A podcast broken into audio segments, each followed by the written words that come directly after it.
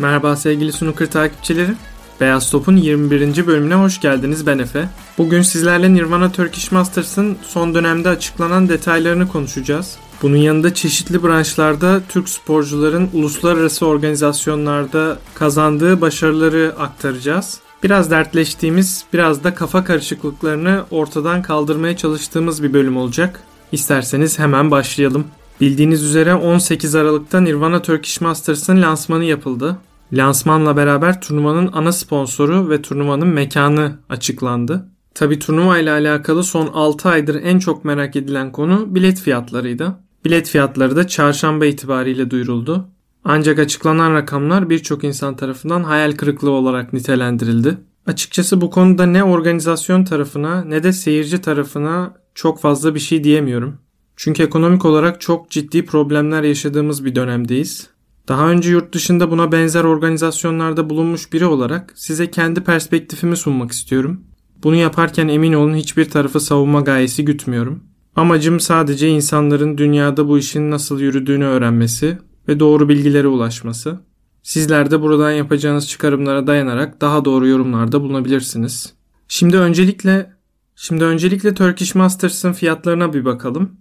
Hafta içi son 64'ten başlayarak çeyrek finallere kadar ulaşan 5 günlük bölüm 3'er seans şeklinde oynanacak. Bu günlerin her biri için günlük bilet fiyatı 966 lira olarak açıklandı.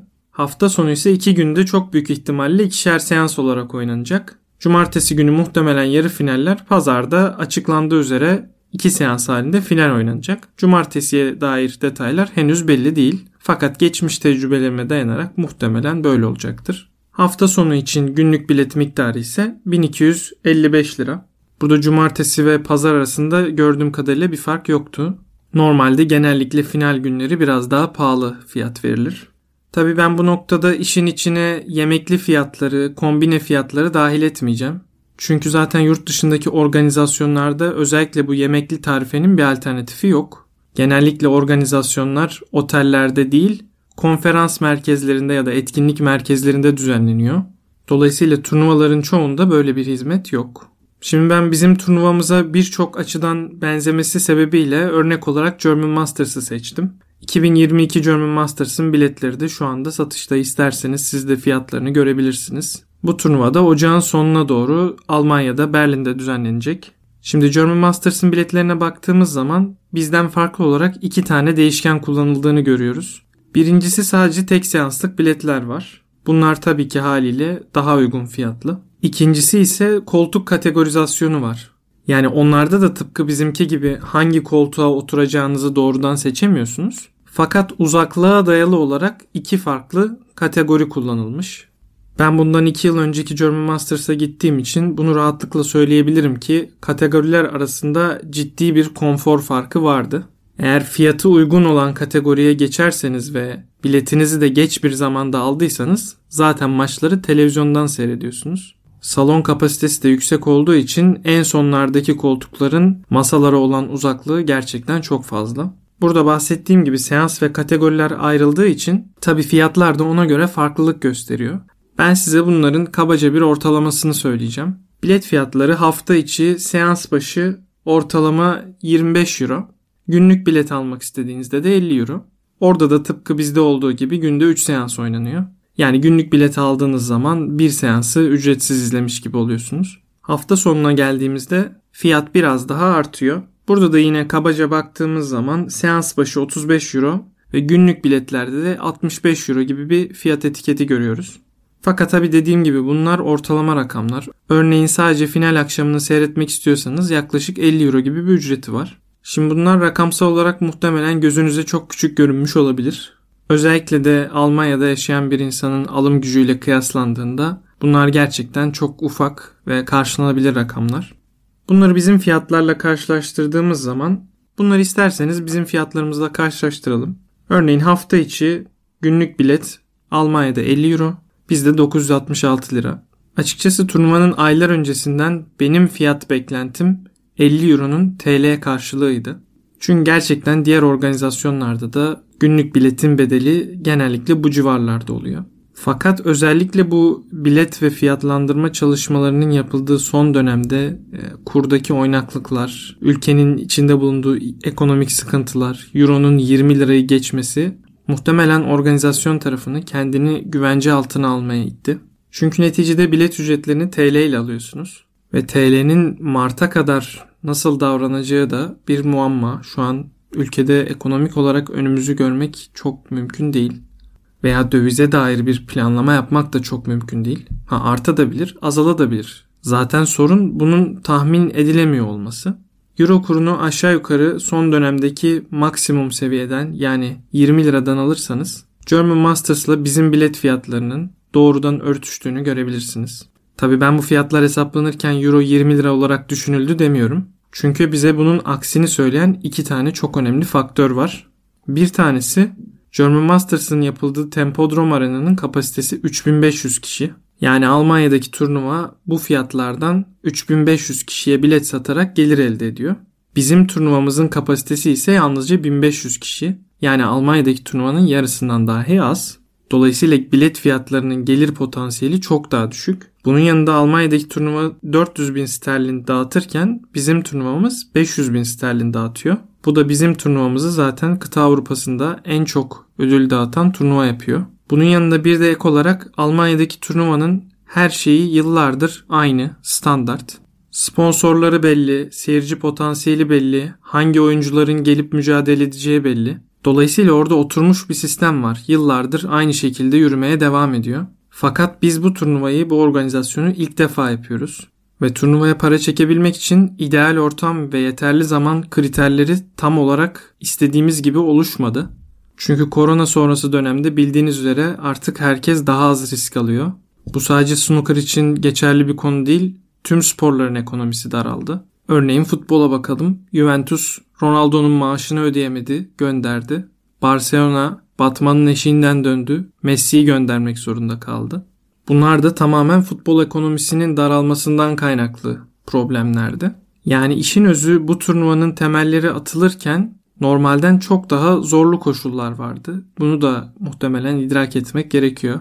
Tekrar en başa dönersek dediğim gibi bütün bunları anlatmamın sebebi organizasyonu ya da fiyatları savunmak değildi.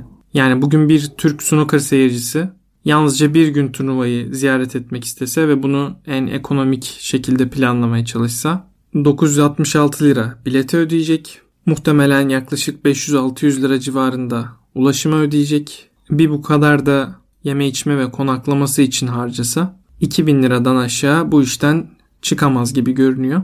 Siz de takdir edersiniz ki bir gün snooker seyretmek için 2000 lirayı verebilecek kişi sayısı o kadar da fazla değildir. Ki bunu daha çok tecrübe etmek istediğinizde masraflar da katlanıyor. Peki biraz da bu konuda ne yapılabileceğini konuşalım. Yani Türk snooker seyircisi 4 yıl boyunca ülkesinde olacak turnuvayı izleyemeyecek mi? Bu konuda benim önerebileceğim şu olur. Mesela tıpkı Almanya'daki gibi bilet kategorizasyonu ve seanslık biletler olabilir. Özellikle bence bilet kategorizasyonu konusu önemli. Çünkü sadece orada bulunmak isteyen, o atmosferi hissetmek isteyen birisi daha uygun fiyatlara, biletlere ulaşabilir bu şekilde. Belki en ideal açıdan maçları takip edemez ama en azından yıllardır hayran olduğu, televizyondan seyrettiği oyuncuları görebilir ve bu tecrübeyi yaşayabilir. Burada da fiyatlar biraz daha uygun olabilir. Bunun yanında masalara yakın olan taraflar daha yüksek olabilir. Şu andaki sistemde biletik size bileti aldığınız anda masaya en yakın konumdaki koltuğu veriyor. Seanslık bilet konusu kategorizasyondan biraz daha çetrefilli. Çünkü bizim durumumuzda organizasyon bir otelde yapılıyor. Otelin de tabii ki çok büyük bir alanı var bir konferans merkezi ya da konser salonu gibi tek bir giriş çıkışla güvenliğini sağlayabileceğiniz bir ortam yok. Dolayısıyla bu konu doğru insanların içeride olup olmadığını denetleme konusunda organizasyona zorluk çıkarıyor. Nitekim bu konuyla alakalı da bir yanlış anlaşılma olmuştu. Onu da elimden geldiğince düzeltmeye çalışayım. Emre Özcan'ın haftalık kombine biletlerle alakalı bir açıklaması vardı. Bu yanlış anlaşılma biraz da bence oraya yazılan açıklama metninin eksikliğinden kaynaklanmış. Muhtemelen bu konuyu en baştan daha detaylı şekilde açıklamak herkes için daha iyi olabilirdi. Ben otelin spor müdürü Burçin Badem'in Twitter'da yaptığı açıklamaya dayanarak o yanlış anlaşılmayı biraz olsun düzeltmeye çalışacağım. Günlük veya kombine bilet aldığınız zaman sanki otelden çıktığınız anda biletiniz geçerliliğini yitiriyormuş gibi bir algı oluştu. Buna organizasyonun şöyle bir çözümü varmış. Birincisi aldığınız kombine biletler kaç gün için geçerli ise bunlar zaten o kadar günlük ayrı ayrı biletten oluşacak. Örneğin haftalık kombine aldınız 7 günlük. Dolayısıyla sizin 7 tane ayrı ayrı günlük biletiniz var. Günlük bilet sahiplerinin tıpkı otel müşterilerinde olduğu gibi bileklikleri olacak. Eğer seans aralarında dışarı çıkıp yemek yiyip gelmek veya bir mola verip gelmek istiyorlarsa organizasyon içerisinde kurulacak güvenlik noktasına bu giriş çıkışlarıyla alakalı kayıt yaptırmaları halinde sorunsuz şekilde bu giriş çıkışı yapabilecekler. Yani günlük bilet aldınız diye organizasyonun sizi orada yemek yemeye mecbur etmesi gibi bir durum yok. Veya haftalık bilet aldınız diye siz 7 gün boyunca otelden rezervasyon yaptırıp orada kalmak zorundasınız diye bir şey de yok. Sadece şöyle bir durum var. Eğer giriş çıkışınızı habersiz yapmaya çalışırsanız yani güvenlik noktasına bildirim yapmazsanız otelden çıktığınız anda geri giremiyorsunuz. Günün geri kalanındaki hakkınız iptal edilmiş oluyor. Bu da az önce bahsettiğim seanslık bilet konusundaki güvenlik zafiyetini giderebilmek için yapılmış bir hamleye benziyor. Yani o konuyu da netleştirmiş olalım. Şöyle kabaca bir bu konuyu toparlamak gerekirse bilet fiyatları beklenenden pahalı. Fakat bir yandan da turnuvanın oyunculara yapması gereken 500 bin sterlinlik bir ödeme var. Burada ağırlanacak 64 tane oyuncu var. Umarım önümüzdeki yıllarda yapılacak daha yüksek getirili sponsorluk anlaşmalarıyla biletlerin buradaki payı biraz düşürülebilir ve bu sayede Türk seyirciler de turnuvaya daha uygun fiyatlarla ulaşabilirler. İsterseniz buradan Türk sporcuların Avrupa ve dünya çapındaki başarılarına biraz göz atalım. Pool tarafında Eylül Kibaroğlu Kadınlar Avrupa 10 top şampiyonasında kariyerinde ikinci kez şampiyon oldu. Bunun yanında 9 topta Avrupa üçüncülüğü ve Euro Tur'da bunun yanında 9 topta Avrupa üçüncülüğü ve Euro Tur'da da ikincilik başarısı gösterdi. İbrahim Vatansever U23 8 topta Avrupa üçüncüsü oldu. Her ne kadar bizim milli takımımız adına yarışmasa da Kuzey Kıbrıslı Mustafa Alnar U23'te 8 top Avrupa şampiyonu oldu. Kendisi de Türk bir sporcu. Buradan son dönemde biraz daha fazla ses getiren 3 banta geçelim. Öncelikle Tayfun Taşdemir Dünya Kupası'nın Hollanda ayağında 3. oldu. Semih Saygıner Dünya Kupası'nın Mısır ayağında muhteşem bir şampiyonluk elde etti. Yarı finalde yarı finalde Torbjörn Blomdal'ı, finalde de Dick Jaspers'ı yendi. Yalnız bu konuda şöyle bir bilgilendirme yapmak lazım. Tabi Semih Saygıner kamuya mal olmuş bir isim. Yani yalnızca 3 bant camiası sınırları içerisinde bilinen bir isim değil. Biliyorsunuz kendisinin bir sürü farklı ilgi alanı var, hobileri var, denediği birçok farklı şey var. Dolayısıyla dolayısıyla kendisi Türkiye'de hayli tanınan bir insan. Bundan dolayı kendisinin elde ettiği başarılar medyada geniş bir yer elde ediyor. Ancak medyanın 3 bant ve genel itibariyle staka sporları konusunda bilgi seviyesi hayli düşük. Bundan dolayı Semih Saygıner dünya şampiyonu oldu veya Semih Saygıner dünya kupasını kazandı gibi haberler gördük. Yani Dünya Kupası'nı kazandığı en azından biraz daha anlaşılabilir. Yabancı basında da kısmen böyle yer alıyor ama Dünya Kupası 3 bantta etkinlikler bütününden oluşan bir organizasyon. Semih Saygıner'in kazandığı Dünya Kupası etkinliklerinden bir tanesi. Bu etkinliklerdeki başarıya göre her sene bir de genel klasman şampiyonu çıkıyor Dünya Kupası'nda. Esas o kişi Dünya Kupası şampiyonu olmuş oluyor. Dünya Şampiyonası dediğimiz ise zaten bambaşka bir organizasyon. Onu hiç açıklamıyorum bile. Tabii ki Semih Saygıner gibi bir ismin ara verdikten sonra tekrar uluslararası arenada büyük bir başarı gösterdiğini görmek çok güzel. Ancak elde edilen başarıları daha doğru tarif edersek gelecekteki ve geçmişteki başarılar da hak ettikleri krediyi alabilirler. En azından ben böyle düşünüyorum. Örneğin Murat Naci bundan hemen sonra Dünya Şampiyonası'nda ikinci oldu. Ki sıralama puanı olarak bunun 81 puanlık bir değeri var. 3 band camiasında biraz bu verilere ulaşmak zor. Dolayısıyla Dünya Kupası'nın getirisi konusunda tam olarak emin değilim. Kazanan kişinin 80 puan aldığı yazıyor. Fakat bu genel klasman şampiyonluğu mu yoksa tekli etkinlik şampiyonluğu mu o belli değil. Ya da en azından ben emin olamadım. Çünkü 3 bantın çok da içinde bir insan değilim. Ama benim anladığım kadarıyla o genel klasman şampiyonluğuydu. Tekli etkinlik bile olsa aslında dünya şampiyonasında ikinci olmanın getirisi bundan daha fazla. Fakat Murat Naci'nin başarısının hiçbir yerde konuşulduğunu görmedim. En azından ana akım medyadan bahsediyorum. Yani burada demek istediğim bence bu konuda biraz daha duyarlı olmalıyız.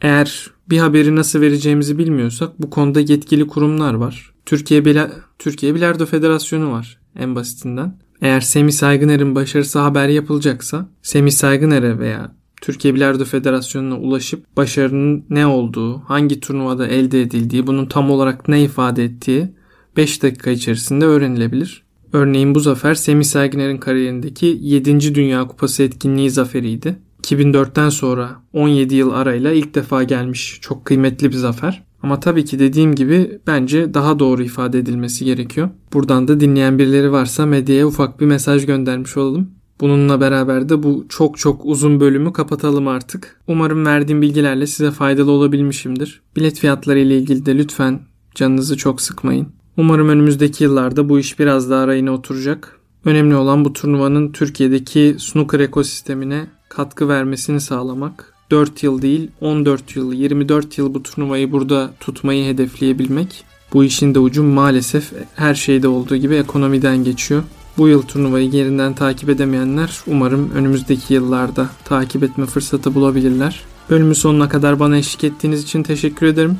Bir sonraki bölümde görüşmek üzere. Hoşçakalın. Snooker'la kalın.